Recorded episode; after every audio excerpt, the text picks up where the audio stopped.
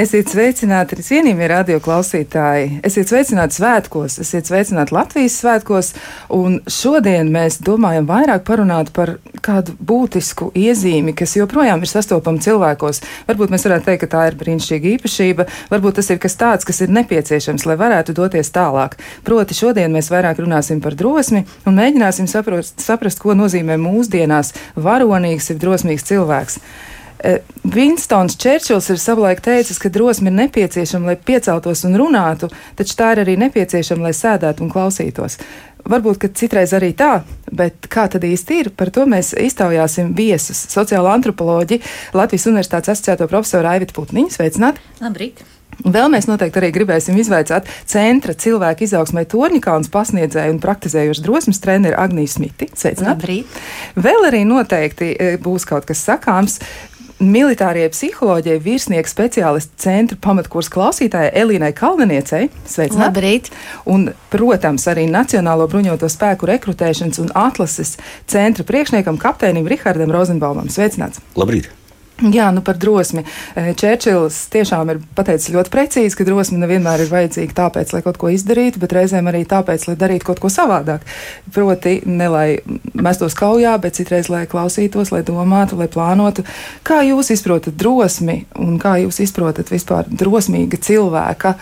Nu, tādu tā kā, nu, raksturojumu, kas tas īsti ir, kas ir drosme, kas ir drosmīgs cilvēks. Varbūt sāksim ar Elīnu. Jā, tad man liekas, ka pirmkārt jau šī izpratne par drosmību, varonību atšķirās katram sava. Un es par šo jēdzienu mājās padomāju, un tad es, man ienāca prātā, ka uz to var paskatīties dažādos līmeņos. Varbūt, ka nu, drosme var būt gan maza, ja tā var teikt, mazākā līmenī, ka tu esi sākotnēji drosmīgs pret sevi, ka tu ieskaties sevi, tu iepazīsti sevi, izzini sevi, un kad tas aiziet vien plašāk, tu pēc tam vari būt drosmīgs palīdzot savai ģimenei, saviem draugiem, līdz pat tam, ka tu vari būt pašaizliedzīgs. Un, kā piemēram karavīrs, ka viņš var atdot arī savu dzīvību, esot drosmīgs un varonīgs. Un, uh, Jā, kaut kā tā, ka tas var būt dažādos līmeņos, bet man liekas, ka primāri ir, ka cilvēks pats sāk ar sevi, un tad viņš var palikt drosmīgāks, un tad aiziet arī plašāk tas viss. Jā, jā, tā tad arī. Drosmi. Laikam arī sevi analizēt vai sevi paskatīties, tur arī vajadzīga zinām drosme. Jā. jā. Nu, ko Agnija teiks par drosmi un drosmīgu cilvēku? Jā, es ļoti varu piekrist, jo tiešām ir tā, ka nu, katram mums ir sava tā drosmes izpratne. Viens izlec ar izpletni un viņam liekas, ka viņš ir ļoti drosmīgs un varonīgs, un, un kāds arī atdod savu dzīvību par drosmi. Priekš manis drosme arī ir būt kontaktā ar sevi, iepazīt sevi, atpazīt savas bailes kuras mums katram ir šīs bailes, un neskatoties uz bailēm, tās pārvarēt un iet uz priekšu. Un nevis eh, dzīvot dzīvi tieši caur baiļu prizmu, bet caur tādu ticību un atvērtību sev, cilvēkiem un pasaulē. Tā ir mana drosmes izpratne. Jā, Aivita. Nu, ja mēs skatāmies uz tādu mūsu latviešu valodas vārnīcu un vēsturu valodas, nu, tad drosme ir senāks vārds nekā tas varonis. Varonis latviešu valodā ienāk nu, 19. gadsimtā. Un, Tad tas ir saistīts ar nu, tādu ļoti īpašu drosmes eh, interpretāciju un sapratni. Proti, ka šī varonība 19. gadsimtā kļūst par tādu kā nu, šīs nacionālās valsts eh, pamatu. Proti, ka tai, tai varonībai ir atsauces punkts, tā varonība ir nu, noteikta darbība, kuras nu, to labumu vai vērtību nosaka šī nacionālā valsts. Un tas ir laiks, kad mums parādās pirmie varoņa eposi, jo galu galā folkloras materiālos līdz šim nu, tāda vārda vai pat jēdziena nav. Tur, kur runāts par karu, ir nu, tas vairāk ir pienākums, uh, nu, tur ir dažādu šo te, nu, attiecību. Jā, izrunāšana, sākot ar zirgu zobenu, beidzot ar līgavu un māsām. Un, un, un, un tad tas varonis paliek nu, tāds centrāls koncepts, un tas ir visā rietumu pasaulē, kas nu, 20. gadsimta vidū noved pie diezgan lielām problēmām. Tagad 80. gados pat, teiksim, Māra Zālīte, tad, kad raksta, teiksim, libretu Lāčplēsim, arī Kangars ir pamudināts uz savu rīcību, tāpēc, ka viņam iestāsta, ka viņš varētu būt varonis tautai. Un, un tad tā varonība paliek arvien tāda, nu, problemātiskāka lieta, jo kur ir tā ideja, kuras dēļ mēs paliekam par varoņiem. Un, un tā, ka ir pārāk sarežģīta mūsu laikos, lai mēs viennozīmīgi pateiktu. Jā, kurā nozīmē. virzienā? Jā, tad drosme un varonība nemaz tik viegli salikt kopā reizēm nav. Un tas varētu būt arī varonis ir varonis, un vienkārši drosmīgs cilvēks varētu arī nebūt varonis. Vai tā? Nu, tas ir vienā, vieniem cilvēkiem varētu būt varonis, un citiem atkal nē. Un to mēs arī redzam, kā varonību mēs varam arī pārņemt un aizņemties. Un to mēs redzam teiksim, 16. marta un 9. maija gājienos, kur cilvēki, kuri nav piedalījušies tiem notikumiem, viņi izmanto šos pagātnes notikumus kā atsauci un, un zināmā mērā šo tā laika varonību nes tālāk. Bet tā nelaime ir, ka mums vairs nav tāda viena apzīmētāja, ko mēs varam pielikt klāt, lai mēs mēs novērtētu. Nu, Protams, ka tie varoņi ir, ir nu, var atrasties pretējās pusēs. Un, un tā varbūt ir no tā 19. gadsimta projekta uh, fināls. Jā. Jā, paldies par skaidrojumu. Tiešām tāds ļoti, ļoti precizējošs attiecībā arī uz vārdu lietojumu, jēdzienu lietojumu. Jā, un ko tad mēs uh, no Rīgarda Rozenbauma varam dzirdēt par, par drosmi un arī par varonību, par varoņiem? Jā. Šeit jau pāris minūtēs esot, mēs jau dzirdam dažādas definīcijas, kas ir drosme un kas ir varonība. Lai, lai cik tās definīcijas būtu daudz, un cik no viņām patiesas, to neviens nevar zināt, jo katrā tā definīcijai tomēr arī savu pretrunu. Manā skatījumā šī drosme un varonība ir atbildība. Atbildība, cieņa un tā pašā laikā apzināšanās par savas darbības mērķiem un sekām. Nav svarīgi, vai mēs tikai pieceļamies un pasakām savu vārdu, vai lecam no izplatņa. Tad mēs apzināmies, kāds būs šis mērķis un kāds būs seks. Tā tad arī tādas atbildības uzņemšanās, arī Jā. tā varētu būt drosme. Jā, es eh, lasīju diezgan daudz materiālus, mēģināju arī saprast vairāk kaut ko par gan par Pirmo pasaules karu, gan arī par latviešu un citu tautību, cilvēku cīņu tieši par to, lai Latvija iegūtu brīvību. Un, uh, man gribētos arī jautāt, kā tad īsti ir ar drosmīgiem cilvēkiem, un sevišķi gribētos veicāt arī par jauniešiem mūsdienās, kāds ir jūsu skatījums, jo uh, gan Elīna, gan arī Rihards jums ir iespēja būt tiešās attiecībās, ja tā var teikt, ar šiem cilvēkiem. Izrādās, ka Pirmajā pasaules karā es atradu šos statistiskos datus, nu tas kopējais tas vecums, ja tā var teikt, tā robeža bija no 17 līdz 47 gadiem vidēji, bet jaunākie kareivi, nu, Britu armijā es atradu, ir dati, ir 12 gadīgi bērni bijuši iesaistīti kara darbībā. Tad eh, kas tas īsti ir? Vai tā ir drosme, vai tā ir varonība, un vai, vai, vai tas ir sastopams mūsdienās tieši tā, kā tas bija tad, un vai šis jēdziens arī nav mainījies? Tad kā jums izskatās? Kā ir ar jauniem un cilvēkiem un cilvēkiem mūsdienās vispār? Ja pieminēsim jūsu piemērus, ja Britu armija 12 gadi, arī Latvijas armijā bija pirms tam. Jā, ļoti, ļoti jauni daudz, cilvēki. Daudz bērnu bija Nu, Neaizmirsīsim arī savu veidu azartiskums. Tomēr valdīja arī sešu bērnos, tas ir romantisms, azartiskums.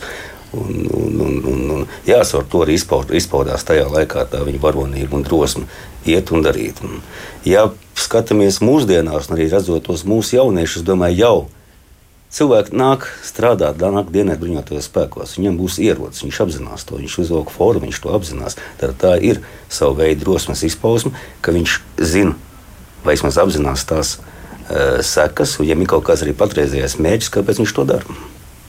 Tā kā es uzskatu, ka jā, mūsu jaunieši ir gana drosmīgi. Varbūt tās atbildības varbūt atšķirās no laikiem, kas bija pirms simts gadiem, bet, bet to, ka viņi ir drosmīgi un apzinās savu drosmi, es uzskatu, ka jā. Ka tomēr viņiem ir skaidrs, ko viņi paši vēlas sasniegt. Tad jā. tur arī varētu runāt par to atbildību droši vien. Arī par atbildību. Jā, un kā Elīna izskatās? Nu, es varu papildināt, ka man šķiet, ka nav pat tik nozīmīgi, varbūt, kāpēc cilvēks izvēlās vispār dienēt bruņotajos spēkos. Bet kā es piekrītu Rihardam, kad ir svarīga tā iekšējā motivācija, ka tu zini, kāpēc tu to dari. Un man liekas, ka armija ir tā vieta, kur uh, iedod gan izpratni, gan arī pamodina tādas siltākas jūtas, vismaz par sevi var konkrēti to teikt, pret tēvu zemi, pret Latviju. Un māca disciplīnu, iedod dažādas vērtības. Un, un kas pats galvenais, man liekas, ir veicina to izpratni par to, kāpēc tas ir svarīgi. Un tas, man liekas, arī pamodina varonību, drosmi, ka tas viss veidojās pēc tam. Varbūt nav tik svarīgi tas sākotnējais mērķis, bet galvenais, lai pašam ir tā iekšējā motivācija, ka viņš vēlās to darīt. Bet uh, skatoties uh, pēc savas pieredzes, arī jā, kad pamodinās tās siltās jūtas un arī tas, tā varonība, drosme tas viss veidojās jo, jā, līdz ar izpratni. Jā, nu, man tad uzreiz arī jā. Jā, bija kaut kas piebilstams. Jā, es arī gribēju piebilst, jo man ir tā laime, ka es jau ceturto gadu strādāju tieši ar jauniešiem, kā drosmes treneri, tādā brīnišķīgā programmā, kas ir MOT. Un, uh, mēs apmācīti treneri strādājam no 13 līdz 16 gadus veciem jauniešiem. Mēs mācām tieši viņiem drosmi, trīs drosmes. Drosmi dzīvot, drosmi rūpēties par citiem un drosmi pateikt nē. Un, kad es skatos un uh, ar šiem jauniešiem strādāju, tad man patiešām ir tik liels prieks, ka aizvien apzinātāk un apzinātāk jaunieši sāk dzīvot savu dzīvi. Viņiem ir savs mugurkauls, un viņi spēj ar savām pārliecībām nu, pateikt, ko viņi vēlās, un tāpat pašā laikā arī um, rūpēties par citiem. Un ko vēl es vēlos pateikt, arī man tik ļoti liels prieks, ka mēs runājam arī, nu, kas priekš viņiem ir iedvesmas cilvēki vai varoņi. Tad uh, līdzās daudziem sportistiem vai nu, slavenībām jaunieši arī sauc par varoņiem savus vecākus, vecākus un vecvecākus. Un tas ir tik ļoti patīkami, ka viņi redz arī savos vecākos un vecvecākos varoņus. Jā, man patīk tā doma, ko Aivita, Aivita Putniņa teica par uh, to, ka varonību vai varoņu veikumu mēs dažreiz aizņemamies. Tad uh, izskatās, ka jaunieši arī ir gatavi aizņemties, bet laikam tas viņus spēcina. Jā, šeit ir runa par um, viņu uh, izaugsmas ceļu, par, par cilvēkiem, kas viņus iedvesmo, kas viņiem palīdz izaugt par stiprām personībām. Un, um, es nezinu, vai vārds aizņemties ir tas īstais, bet tas, ka viņi iedvesmojās no apkārtējiem cilvēkiem un tieši no pozitīvajiem piemēriem, man liekas, tas ir ļoti, ļoti vērtīgi. Jā, un ko jūs teiktu par vecākiem cilvēkiem, jo jauniešiem tas varētu būt ļoti aktuāli, piemēram, spēja pateikt nē, vai, vai nu, tikt, tikt galā ar kādām tādām būtiskām dzīves grūtībām, bet vai vispār mums pietiek drosmes ikdienā, kā jums izskatās? Nu, jautājums ir, kur mēs to drosmi novirzām. Un, un mēs te, nu, tie piemēri, kas te izskanēja, nu, tie parāda zināmu nu, tādu secību, proti, ka vispirms ir ideja vai ideoloģija. Un, un tad nāk rīcība, un, un tur tālāk pat nāk jūtas, nu, noteikta veida sajūtas, nu, tiksim, patriotisms, un tā ir lieta, kas ir kultivēta. Un, problēma tajā iestājās nu, tajā brīdī, ja mēs nonākam nu, konfliktējošās vērtību sistēmās. Jo turpat blakus iespējams nu, cilvēks ir kultivēts ārkārtīgi līdzīgās, nu, nu, pēc, pēc, pēc šī mehānisma vērtībās, bet tās vērtības varbūt ir citādākas. Un, un, un tad šīs situācijas īstenībā nav samērojamas. Līdz ar to nu, mums ir vajadzīga vēl viena nu, cita veida drosme, proti, kritiski paskatīties uz lietām un, un izvērtēt. Un, un, un tā ir nu, tā nākamā lieta, kas droši vien īpaši šodien ir vajadzīga, nu, kā mēs spējam risināt šos konfliktus, arī vērtību konfliktus un ko tad mēs darām. Jo nu, 20. gadsimta vēsture parādīja, nu, ka tāda, nu, nu, tāda ideoloģija un viena virziena kustība un pat patriotisms ir novedis pie ārkārtīgi liela mēroga konfliktiem, un, un kā mēs no tā varētu nu, izvairīties. Un, un tā ir atkal nu, cita līmeņa drosme pateikt nu, ka varbūt tās mūsu vērtības, kurām mēs ticam, par kurām mēs jūtamies nu, labi, atbildīgi, ka tās varētu nebūt vienīgās šajā pasaulē. Jā, bet man reizēm šķiet, ka ir tāds drosmes uzplūds, vai arī tas pats patriotismu uzplūds, un tad, tad, kad ir novembris, ir svētki, tad mēs tā ļoti, ļoti piesaistām savus prātus šai vērtību sistēmai, vai lai kāda tā arī būtu, bet tomēr mēs orientējamies uz to, jā, mēs, mēs daudz par to domājam, un tad notiek kaut kas dīvains, dažreiz mēs aizējam prom no tā visa, un, un, un pēc tam tā kā nav tas aktuāli vairs, nav tik svarīgi, kā noturēt sevi tajā labajā pozīcijā, tā teikt, attiecībā pret sevi vai citiem cilvēkiem, lai saglabātu šo drosmi, vai nu iebilst, vai, vai nepiekrist kādām nelāgām lietām. Kā to varētu izdarīt? Nu, man liekas, ka ir viena nu, nu, tā drosme, kas nāk no šīm te, nu, morālām, ārējām vērtībām, nu, tā teikt, no šīs pasaules.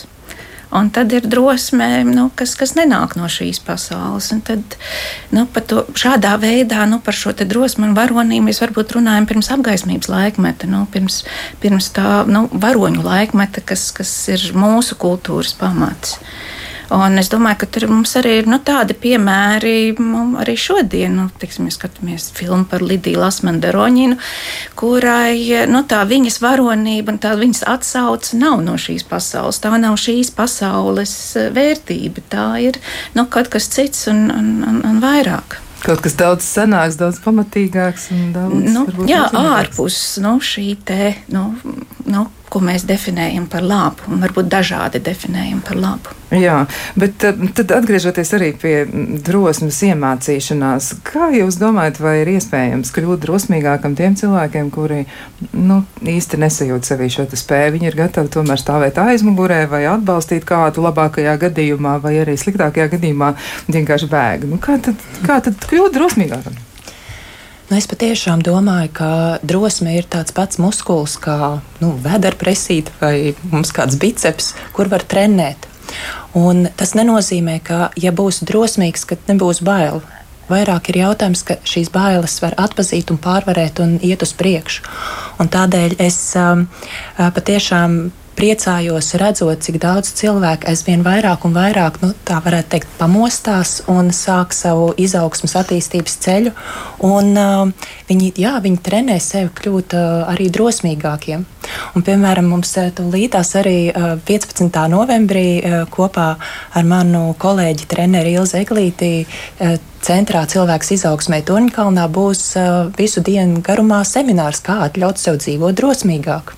Jā, bet ja jums būtu jāsaka ieteikumi jā. kādi, jo ne visi aizies, ne visi piedalīsies, un ne visiem varbūt tas liksies nu, tajā dienā tik ļoti svarīgi, un mm. nebūs prioritāšu sarakstā, tur būs kaut kas cits, bet ko jūs ieteikt konkrēti? Nu, man, piemēram, kā man kļūt drosmīgākai, ja man gribētos?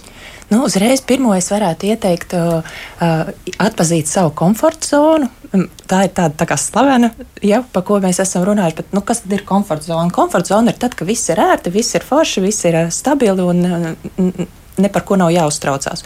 Un vienkārši viņš sāk trenēt. Trenēt robežas, pišķiņi izkāpt laukā. Un uh, daudzi domā, ah, nu kā tad es tagad to komforta zonu trenēšu, un tagad uzreiz ar gumijām jālec ir uh, no mm, tramvajiņa vai vēl kaut ko. Nē, komforta zonu var trenēt ar ļoti parastām lietām, kā piemēram no rīta iztīrīt uh, zobus ar uh, otru roku. Un uzreiz tā ir nepamana, eh, nezināma situācija un uh, kaut kas uh, savādāks. Un tā mēs sevi trenējam, iepazīt sevi, kā mēs rīkojamies nezināmās situācijās. Labi, tā tad iztīrīt zobus ar otru roku, ko vēl? Nu, tas varbūt nebūs treniņš, bet tā jau būs mācība. Tas ir mācība būt atbildīgam. Vēlreiz uzsver. Nu, cieņa pret divām pamatvērtībām, kas kurā sabiedrībā ir. Tā ir valsts, tā ir ģimene. Ja cilvēkam būs cieņa pret ģimeni un pret valsti, tad varam galvot, ka viņš būs drosmīgs vajadzīgā brīdī, un arī nepieciešamā gadījumā vajadzīgā brīdī izrādīs varonību. Mm, jā. Elīna, varbūt ir man, arī konkrēts padoms, kā kļūt drosmīgākam. Jā, man liekas, arī kaut kādas tradīcijas palīdz arī attīstīt to drosmīgumu un uh, varonību. Nezinu, tur uh, aiziet, kaut vai tajos pašos svētkos aiziet pie pieminiekta, nolikt vecīti, kaut kādas tradīcijas mājās, varbūt uh, vairāk palasīt vēsturi. Nu, es domāju, tīri, lai būtu drosmīgāks pret savu valsti. Un es piekrītu arī par atbildību un cieņu, jā, ka tās divas vērtības ir ļoti svarīgas. Bet, uh, ja jārunā par sevi konkrēti, tad tieši pēdējos mēnešos es arī izjūtu to, ka es iepriekš arī tāpat domāju, ka tie drosmes uzplūdi ir tādi uz svētkiem, bet vismaz esot militārajā sfērā, es izjūtu to vairāk. To, tas ir ikdienā visu laiku klātesoši. Vairāk tā, nu, izjūta par savu tēvu zemi, par Latviju. Visas tās darbības, kas notiek, un tas, jā, tas man, mani pieved tuvāk vismaz Latvijai, tēva zemē. Veicina tādu patriotisku sajūtu iekšēji. Jā, es atceros arī, e, ka mēs savā laikā skolā, es mācījos vienā no Rīgas centra skolām, un tur bija ļoti, ļoti konservatīva vadība un ļoti uzticīga tā laika varai. Es atceros, ka aizlavīšanās 11. novembrī uz, uz uh, lielajiem kapiem, lai noliktu svecītes, tas bija sodāms pasākums. Un tad man šķita, ka visi tie, kas mēs to darām, ka mēs esam ļoti drosmīgi, tāpat arī cēsīs, tad, kad bija pirmais Latvijas karos, kurš tika uzvilkts mastā, man liekas, tas arī bija ļoti drosmīgi. Kā ir šodien, vai cilvēki dara joprojām šīs drosmīgās lietas? Es domāju, pastoties ikdienā ne tikai uz jaunatni, uz visu sabiedrību. Nav tā, kā daži, daži uzskata, vai propa, propagandai, ka sabiedrība kaut kādā nihilismā iekritusi un, un vienaldzībā. Un nav tā, nu, ka soļi var redzēt, ka cilvēki parādās kaut kā drosmi, pārvar savas bailes, tā, bet kaut kā maziņa, ja viņš sasniedz to savu mazo nospraustu mērķi, tad tā jau ir drosme. Tas nozīmē, to, ka nākošais mērķis viņam būs lielāks. Jā, tad treniņš arī. Jā, Jā, un arī no tādām ikdienas lietām, jo kas kuram ir drosme, arī tāda maza, maza kaut kāda palīdzīga roka kādam cilvēkam vai tādas mazas situācijas dienā. No tā jau viss veidojās, no maziem solīšiem. Man liekas, ka iesaistīšanās arī tādā publiskā strīdā kādreiz, kur skaidri redzams, ka kādam dara pāri, tā arī noteikti ir drosme. Vismaz man. Diskutējams jautājums. Kāpēc? Nu, tāpēc, ka dažkārt iesaistoties strīdā, nu, tomēr drosme iesaistīties sev, ar sev līdzvērtīgu vai spēcīgāku sējumu strīdā. Jā, tā var būt drosme, bet iesaistīties strīdā ar vājāku vai zinot, ka tev nebūs pēc tam sekas, tā nav drosme. Kas tas ir? Nezinu, izrādīšanās. izrādīšanās. Drosme noteikti tā nav. Jā, klausītāji arī pamazām iesaistās, un es noteikti gribētu klausītājs uzmundrināt un dot ziņu par sevi, un arī varbūt mēģiniet paust savu viedokli, ko jums nozīmē drosme un ko jums nozīmē varonība un varonis mūsdienās. Un Anija mums ir uzrakstījusi tā: Paldies varoņiem, kur izcīnīja mūsu valsti, un paldies tiem, kas šodien joprojām dzīvo Latvijā, mīl savu valsti un strādā tās izaugsmē. Ļoti jauki vārdi, ļoti jauks uzmundrinājums, un paldies arī Annijai uh, par šo. Un uh, savukārt Haralds raksta, ka nevienmēr cilvēki, kas ir gatavi mirt kaujas laukā, ir tikpat drosmīgi teikt patiesību, nemelot uzņemties atbildību par tuviniekiem. Dažreiz mirt varoņa nāvē ir vienkāršāk nekā katru dienu uzņemties atbildību. Kā jums tas izklausās? Spēcīgi vārdi. Jā. Nu, droši vien tas ir, nu, vai mēs pieliekam tai savai rīcībai kādu asi. Nu, liekas, nu, tas skujnieks rakstīja, nu, tā ir sevis atteikšanās alkā, kas dara cilvēcīgs mūs. Un, proti, vai mēs spējam izkāpt nu, no tās savas nu, patības, eh, nu, tā paša komforta, nu, tas, kas mums patīk rāmjiem, un iziet pretīm tam otram cilvēkam. Un, un, un man liekas, ka nu, tā iziešana pretīm otram cilvēkam varbūt pat ir svarīgāka par kaut kādu, nu, nevis kaut kādu, bet nu, par tādu, nu, kur mēs uzliekam morālu vērtību, nu, teiksim, tur, tur, tur ģimene. Proti, jo tas tā sīkā lieta, tā automātiski garantēs arī attieksmi gan pret ģimeni, gan pret tuvāko, gan pret valsti. Uh, un, un tā ir nu, tāda ikdienas prakse. Tā nav tāda nu, viena reize, un mēs visi jūtam emocionālu pacēlumu, kā arī um, teica nu, par, par nu, tajā konkrētajā situācijā mēs varam sajust nu, tādu spēka pieplūdu, romantismu. Tad, kad mēs esam tajā krīzes situācijā, nu, tiksim, barikāžu laikā, cilvēki izjūt šo ārkārtīgi, nedomā par to, nu, kas tagad būs, vai nu, tiešām tie krievi tanki nāks, un, un, un bija gatavi. Un, un tagad padomājot, nu, nu, tā bija ārkārtīgi, nu, tāda varbūt neapdomīga romantiska lieta, bet cilvēki bija gatavi sev ziedot. Bet tādā ikdienā jau to izdarīt ir krietni grūtāk. Jā, jā ikdienas dzīve. Jā, nu, mēs par drosmi un par varonību turpināsim pēc īsa brīža, bet tikmēr klausītājiem aicinu, tā, sūtu tādu aicinājumu apdomājieties patiesi, kas jums tas ir e, drosme, varonība un šīs saistītās lietas, un noteikti, noteikti uzrakstiet vai arī piezvaniet. Mēs gaidīsim, bet tiekamies pēc brīža. Kā labāk dzīvot? Esam atpakaļ studijā un turpinām sarunu par drosmi, par varonību un par varoņiem. Gan par tiem, kas ir dzīvojuši pirms kāda laika, gan arī par tiem, kas ir sastopami mūsdienās. Un atgādināšu arī par studijas viesiem. Pie mums šodien ir sociāla antropoloģija Latvijas Universitātes asociētā profesora Aivita Putniņa, centra cilvēku izaugsmē Tornikāns pasniedzēja praktizējošā drosmes trenere Anni Agnija Smite un militārā psiholoģe, virsnieks speciālists centra pamatkurs klausītāja Elīna Kalniņa. Ļoti garš un, un pamatīgs nosaukums, bet nu, tā tas ir. Un vēl arī, protams, pie mums ir Nacionālo bruņoto spēku rekrutēšanas un atlases centra priekšnieks kapteinis Rihards Rozenbaums. Nu, atgriežoties pie drosmes, ļoti interesantas domas ir arī klausītājiem, un tas, ko viņi saka, eh, patiešām man liekas ļoti, ļoti svarīgi. Piemēram, Estere ir uzrakstījusi tā, es domāju, ka palīdzēšana kādam grūtā situācijā, kāda glābšana vai mierināšana arī ir sava veida varonība. Tas, man liekas, ir tiešām kaut kas tāds, tam, tam es arī noteikti varētu e, piekrist. Un vēl ir arī tāds ļoti, ļoti e, skaists citāts, ko ir uzrakstījis un atsūtījis Edgars. E, un viņš saka, tā, es gribu atgādināt Janīnas kursītes teiktos vārdus. Varoņi var tikai aizdedzināt lāpu, ko nest, bet ja nav pacietīgu nesēju, var nākt kaut simt iededzinātāji. Mēs klupsim katru reizi pār to pašu slieksni un tālāk netiksim. Un viņš raksta, ka labāk pateikt nevar. Ko jūs teikt par Janītas kursītes e, domu? Kā tur ir ar to vienu nesēju un simts iededzinātājiem? Nē, nu, revolūciju pasludināt jau nav grūti, ja? bet to, tās tautas masas noturēt un vai seko tam sludinātājam, tas jau ir gan mākam. Jā. Tāpat arī laikam ar šo lāpu un, un, drosmi. Ja? Viens, viens ir pateikt, iesim, darīsim, cits ir patiešām šos e, darītājus pulcēt, vienot šim mērķim, lai viņi iet un darām.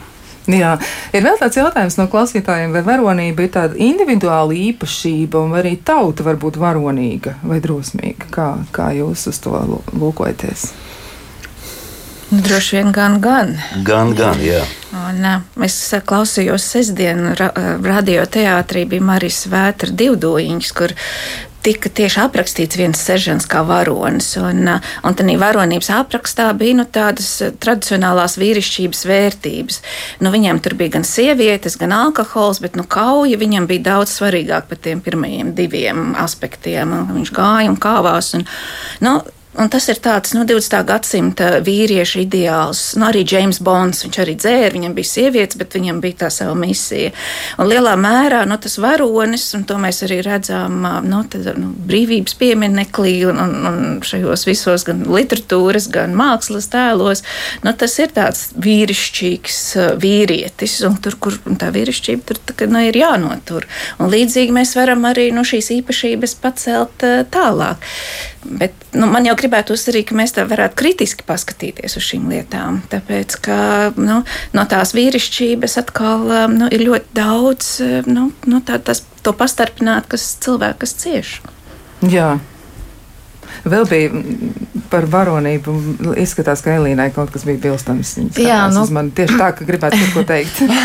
Jā, ka varonība var, varonība var saukt arī par pašaizliedzīgumu, bet ar, ar izpratni. Jo es piekrītu, ko pirmī teica, ka, ka tam ir jābūt arī kritiski uz to jāapskatās. Jo, ja tu esi pārāk varonīgs, varbūt dažkārt par daudz, tas var tieši izraisīt kaut kādu konfliktu.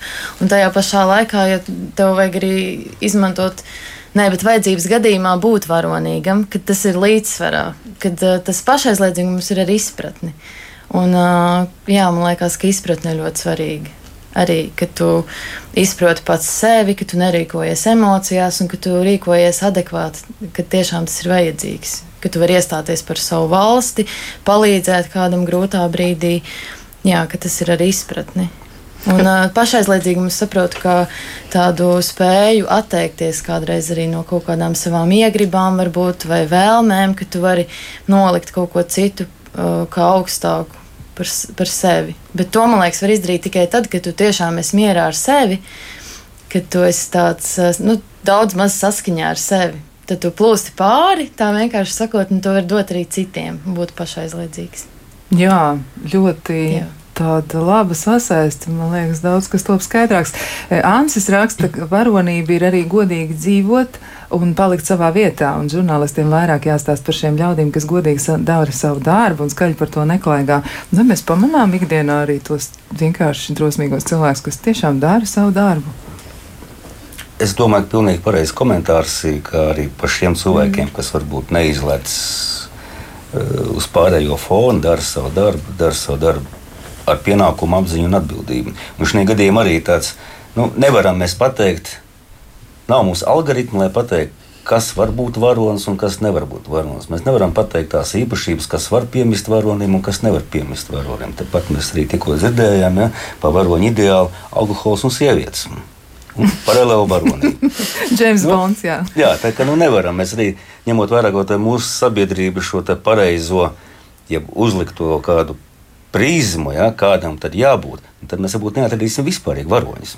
Ja mēs teiksim, mēģināsim ierobežot kaut kādā konkrētā prizmā, Es vēlreiz saku, algoritmā jau meklē, meklē tikai, tikai caur šo algoritmu tos pašus varoņus vai drosmīgus cilvēkus. Ja pastamies, Tagad aktuāla tēma Latvijas strēlnieki Pirmā pasaules karā un, un, un pēc Pirmā pasaules kara. Nu, būsim godīgi, reti kurš no viņiem, manā skatījumā, ienāks iekšā tādas kārtīgas sabiedrības prizmā, ka viņš var būt drosmīgs cilvēks un, un, un, un varonis. Tie tie paši Rīgas pašpuikas, kas ikdienā kaujās un dara visās lietas. Tie ir latviešu saimnieku dēli, kas palikuši ir e, bez zemes, jo vecāki devušies bēgļu gaitās. Ja? Nu, nav tādas tā, tā prizma, caur kur mēs varētu paskatīties un pateikt, tas būs varonis un tas ir drosmīgs cilvēks. Tad jums būtu vienkāršāk, jo es saprotu, ka tad, ja jānodarbojas ar rekrutēšanu un, un jādomā par, par um, militāro spēku vai par cilvēkiem, kas būtībā to balsta, tad jau būtu ļoti vienkārši. Jūs varētu tā noskanēt. Protams, tas būs jā, un tad tikai varoņi nākt un drosmīgi cilvēki.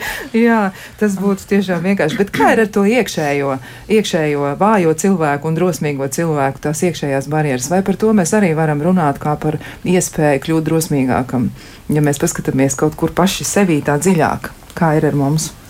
Jā, nu man patiešām liekas, ka tā lielākā varonība ir izcīnīt cīņu, savu iekšējo cīņu ar eh, sevi un eh, būt drosmīgam, ieskatīties sevi. Jo bieži vien mēs eh, runājam par to, cik viegli ir nu, kādam citam kaut ko izdarīt un kaut ko pateikt, vai mēs ļoti bieži vien esam ļoti gudri un pa pamācīti citus, kā dzīvot vai kā vajadzētu labāk.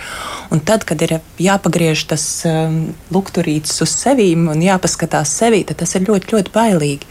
Un tieši šī iemesla dēļ man liekas, ka tie ir īstie varoņi, kas uh, mostās, kas uh, uh, izcīna savu iekšējo cīņu un iet savu izaugsmas ceļu.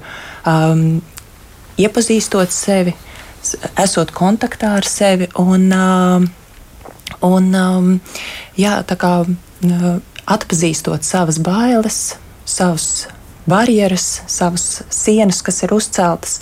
Un, um, jā, attīstot sevi. Un arī tad, tā, tā kā Elīna teica, tad pēc tam mēs varam arī atvērties pasaulē, citiem cilvēkiem pasaulē. Jo tad mēs esam daudz drosmīgāki un ar savām saknēm zemē.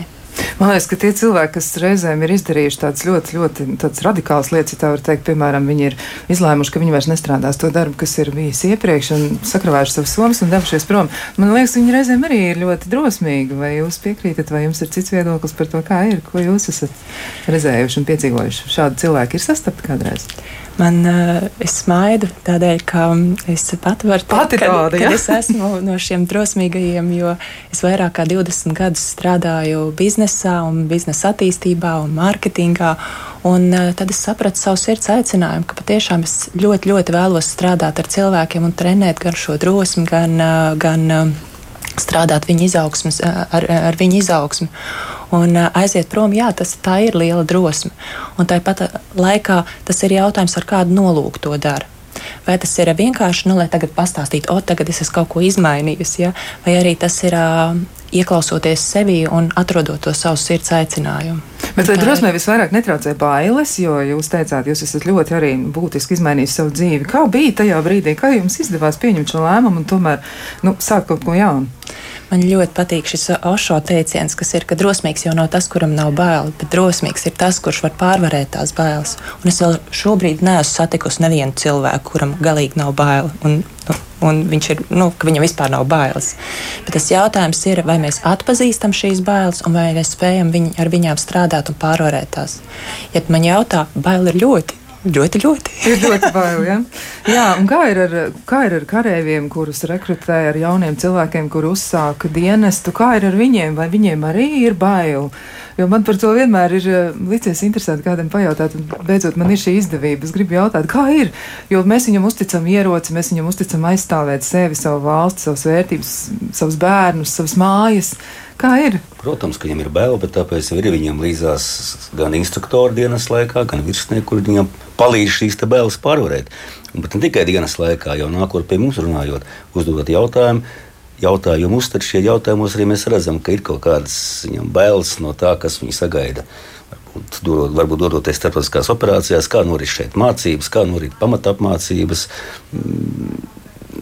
Saks, sākot ar šādām sarežģītām lietām, kur nevar dot viennozīmīgu atbildi viņam, bet beidzot arī tādām ikdienišķām lietām. Cik bieži viņš tiks mājās? Ja? Viņam bailes, ka viņš neredzēs savu ģimeni pārāk bieži.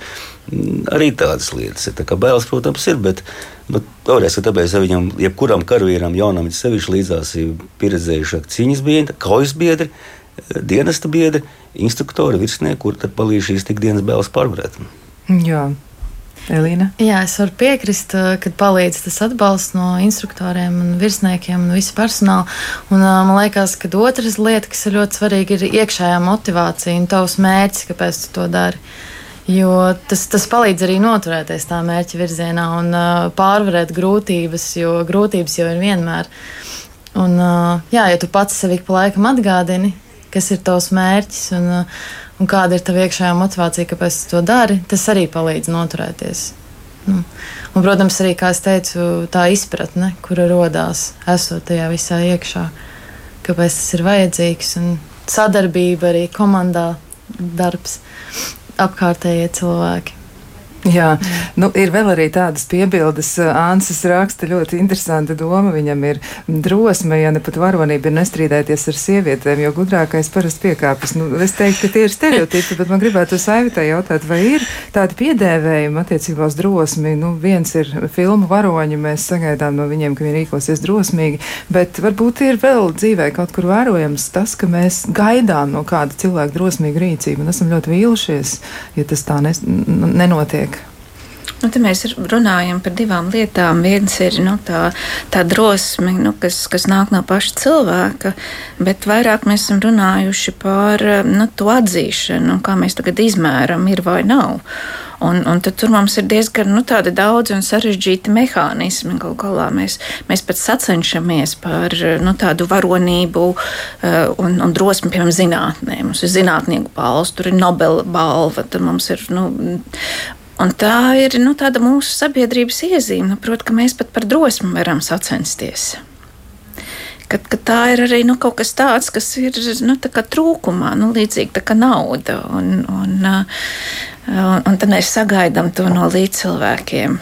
Bet droši vien tas nav nu, tāds nepieciešamais nosacījums, lai nu, cilvēks iekšā, nu, iekšpusē un, un, un, nu, nu, pārvarētu šo te, nu, kaut kādus savus ierobežojumus un savas intereses. Un, un nav vienmēr tā, nu, ka, tās, jā, ka tās bailes ir pārvaramas, un, un, un tas, ka mēs nodaram citiem cilvēkiem pāri, un, un, un, un cilvēki, kur ir piedzīvojuši vardarbību, nu, viņos, viņus tās bailes stingzina. Tad tie ir cilvēki, kuri ir piedzīvojuši šo karu, nu, piemēram, Palestīnā. Es esmu redzējis, kā cilvēki piedzīvojot nu, tādu blakus nu, militāru konfliktu nu, nu, vai draudus, viņi vienkārši ķermeniski sastingst. Un nu, bērni nesastingst, bērni raud tajās situācijās. Un, nu, un, un tad ir jāsaprot, nu, ka vienmēr nu, mēs varam būt drosmīgi, mēs varam runāt par tām vērtībām, bet no otras puses tur vienmēr būs nu, tā, tā, tā otra puse, jo mūsu šī varas rīcība un, un, un darbība, viņai vienmēr būs sekas, tur vienmēr būs kādi cilvēki, nu, kuriem tiek nodarīts pāri. Un, un kā to visu izlīdzināt, eh, man liekas, ka nu, arī mūsu valsts un patriotismu diskursā mums ir jārunā par to, nu, kā kā tā mūsu nu, valsts paliek nu, tādā. Jā, pret citiem cilvēkiem atvērtāka un, iekļaujošāka, un, tā, un, un kurā virzienā mēs to savu drosmi virzam. Jā, jo būs jau kādas balsis, kuras mēs nedzirdēsim tieši tā iemesla dēļ, ka viņi neko nepateiks. Un varbūt ne tāpēc, ka drosmes vispār kā tādas trūktu, bet tāpēc, ka mēs nedodam šo iespēju. Mārta raksta, ka drosme ir dzīvot godīgi. Es tiešām gribētu, lai daudzi apstātos un padomātu ilgtermiņā. Un pirmkārt, Nu, viņi ir skarba, bet saka, tā pirmkārt pārstāt uz aktu un mānīties ikdienā, lai šai valstī tiešām būtu nākotne. Nu, diezgan skarbi vārdi, bet uh, sava daļa patiesības tur ir. Un vēl arī vēl to zola raksta, ka drosme un varonība paiet garām. Kūku veikalam laimē, ja tev ir liekas svars un notiek cīņa ar sevi. Arī tā. Arī tā. Jā, tas ir tieši tas pats, ko mēs identificējam ar vārdu drosmi un vēlreiz to pašu varonību. Atgriežamies pie šīs tēmas sākuma mūsu uh, raidījumā. Jo vai izrādīta varonība, jeb drosme, ideoloģijas ietekme ir varonība vai drosme, vai tas ir kaut kas cits? Vai pašbildes atvainojas taisīt tie to bēls no debeskrāpja kaut kur debeskrāpja malā, tā ir drosme vai varonība, vai tas ir stulbums. Jā, ļoti skarbi. Tiešām. Tad kas ir tā drosme un varonība, kā ietekmē viņai jābūt? Jā, patiesi. Acīm nezot tā pašas tās pašas atbildības, ja tu izproti savai rīcībai, darbībai mērķi un arī sekas apziņas. Jā, ir vēl kāds klausītājs arī, kas par raksta, ka varonība ir no vārda var un varēšana. Varonība zūd, kad nav varēšana. Varonība ir cilvēka izvēle neliek, neliekot uz spēles dzīvību vai kaut ko tikpat vērtīgu, un tad izdarīt kādas lielas lietas. Bet droši vien arī arī eh, nu, varētu būt arī tā, ka reizēm ar dzīvību, dzīvība ir tā augstākā likme. Un vēl viņš arī raksta, ka varonība ir gan kaujas laukā, gan darot ikdienas darbu visnelabvēlīgākajos apstākļos vai turoties pie savas izvēles visa mūža laikā. Nu, viņam te vēl ir daudzas domas klāt pie tā visa, bet tas tiešām varētu arī būt ļoti svarīgi, tas, ko Rihards nu pat teica par to pieturēšanos pie tās savas izvēles un vērtībām. Un arī vēlreiz uzsver vārds atbildība jā, par savas darbības, jā, sekām, ka tu vari atbildēt par to. Kāpēc tu izvirzīji to mērķi un kāds tam mērķim būs darbībai seks? Jā, tur ir problēma ar to atbildību, atkal, kam mēs atbildam. Jo nu, atbildība nāk no šī vārda, ka mēs esam iesaistīti, mēs, mēs kādam atbildam. Un, nu, kas ir tas, vai tā ir nu, kaut kāda cilvēku kopas definēta vērtība, vai tas ir kaut kas nu, mistisks, augsts. Un, un, un, un tā arī atbildība ir vērtējama lieta. Jā, vai tev ir ko zaudēt, vai nav ko zaudēt galu galā? Man šķiet, ka tā atbildība ir pirmām kārtām pret sevi. Pašam pret sevi atbildība, nevis ko citi teiks. Jo mēs tik daudz uh, dzīvojam dzīvi, ko citi teiks, vai kādas ir citu, uh, citu ietekmes. Bet uh, pirmām kārtām atbildība ir pašam pret sevi kas ir tas, vai es to gribu darīt, vai es to varu darīt, vai es uzņemos par savu rīcību atbildību. Tā ir tā, man šķiet, tā atbildība. Jā, un ja tu iemācies būt godīgs un atbildīgs pret sevi, tad tu arī vairāk esi godīgs un atbildīgs pret citiem cilvēkiem. Arī. Jā. Ja tavas vērtības atbilst pārējās sabiedrības vērtībām. Bet, ja nē, nu, tā, tad, ja tu esi viens, tad pēc tikko daļējās definīcijas, tad viņš nav drosmīgs. Man, šķiet, man šķiet, ka ir ļoti svarīgi uh, palikt atvērtam ne tikai ar savām vērtībām un savu atbildību, bet palikt atvērtam pret citiem cilvēkiem, pret pasauli, ka arī var būt dažādi citi viedokļi, citas vērtības. Es pat negribētu teikt vērtības, jo vērtības pamatā lielākajai daļai ir līdzīgas, tikai tās izpausmes ir dažādas. Bet uh, svarīgi ir palikt atvērtam atvērtam un saredzēt, ka nav viena taisnība, nav viena patiesība, nav es un pārējie. Ir tiešām uh, atvērta pasaule, atvērta cilvēki. Un atkal, ja mēs katrs būsim atbildīgi paši pret sevīm, tad arī pasaulē būs daudz pozitīvāk un gaišāk. Jā, visiem jau vienmēr nav jābūt vienādām vērtībām. Var jau viņas nesakrist. Vienkārši stāsts ir par to, vai tu vari pieņemt, ka citiem viņas ir citādākas kaut kādas, un vai tu vari atrast to vidusceļu un kompromisu ar citiem cilvēkiem. Nav jau visiem vienādi jādomā un visiem vienādi nu, jā, jāuztver lietas. Ja es pareizi atceros, nu, kad tika uztraukts, nu, mēs uztraucāmies, nu, ka tiem skolniekiem netiek pareizās vērtības mācītas skolā un ka tika tā vērtību liste izveidot. Manuprāt, ka tur bija tās divas jaukās vērtības, par ko mēs runājam. Viena bija drosme, un otra bija mērenība. Jā. Pielikta blakus. Drosme un mērenība. Tas mm. tiešām tas varētu būt par to, jā, jo citreiz jau laikam tieši tā kā Rikards teica, ka, ja cilvēks izvēlas darīt kaut ko un tur ir daudz riska un vienlaiks arī daudz muļķības, pietrūks mērenības, laikam tā jau nav gluži drosme vairs. Jā, nu tiešām tāds ļoti sarežģīts temats savā ziņā, bet laikam tomēr uz katru no mums attiecināms. Ko jūs novēlētu klausītājiem šajā dienā saistībā ar drosmi un uh, saistībā ar to, kā pašiem kļūt drosmīgākiem? Šis ir īstais brīdis, kad par to apdomāties. Es domāju, ja mēs tālāk spēlējamies ar šo vārdu atbildību, nu, tā atbilde vienmēr būs saistīta ar to, ka mēs uzklausām, ko tas cilvēks mums jautā. Nu, pirms mēs atbildam. Un tas ir nu, bieži paliek um, aiz kadra. Un, jā, es novēlētu droši vien vairāk ieklausīties citos cilvēkos. Jā. Es laikam novēlētu, lai šīs izjūtas, kas ir šajās novembra pāris nedēļās, 11. un 18. Novembr, novembris, lai tās izjūtas lielai daļai vai visiem pilsoņiem nav tikai šajās dienās, bet vairāk vai mazāk arī cīs pārējo laiku parādās un atspoguļojas ne tikai aiziešanā, vecīšu nolikšanā vai, vai karavīru vērošanā parādē, bet atspoguļojas arī reāli darbos. Jā. Jā, mums bija tāds jēdziens, mēs kursā aizdomājām praktiskais patriotisms, ka tu ne tikai teorētiski esi patriots, bet ka tu arī dari visādas darbības, lai tu būtu patriotisks. Un es tad novēlētu arī kā Rihards teica, jā, tu varbūt biežāk to izjust un arī praktiski darīt, praktizēt. Un vēl varbūt vairāk katram pašam saprast, kas ir tas tavs dzīves aicinājums, kāds ir tavs mērķis, kādas ir tavas vēlmes šajā dzīvē, un uz to arī iet. Jo, ja cilvēks dara to, kas viņam patīk, tad viņš arī var mācīties būt gan drosmīgs, gan ieskatīties sevī, gan citos, gan sevi uzklausīt, gan citus uzklausīt. Jā. Es arī varētu novēlēt klausītājiem turpināt iet uh, viņu drosmes ceļu, ko viņi ir izvēlējušies, savu izaugsmas ceļu, lai varētu apzinātiāk dzīvot un piedzīvot dzīvi kā ceļojumu, nevis kā problēmu, kas ir jāatrisina. Jā, tiešām ļoti jauki vārdi un paldies par novēlējumiem visiem studijas viesiem Aivitai Putniņai, Agnijai Smitē, Elīnai Kalniniecei un arī Rihardam Rozenbaumam. Un klausītājiem novēlam, lai jums gaiši skaisti svētki, lai pietiek drosmes, lai pietiek drosmes nākotnē. Visu labu!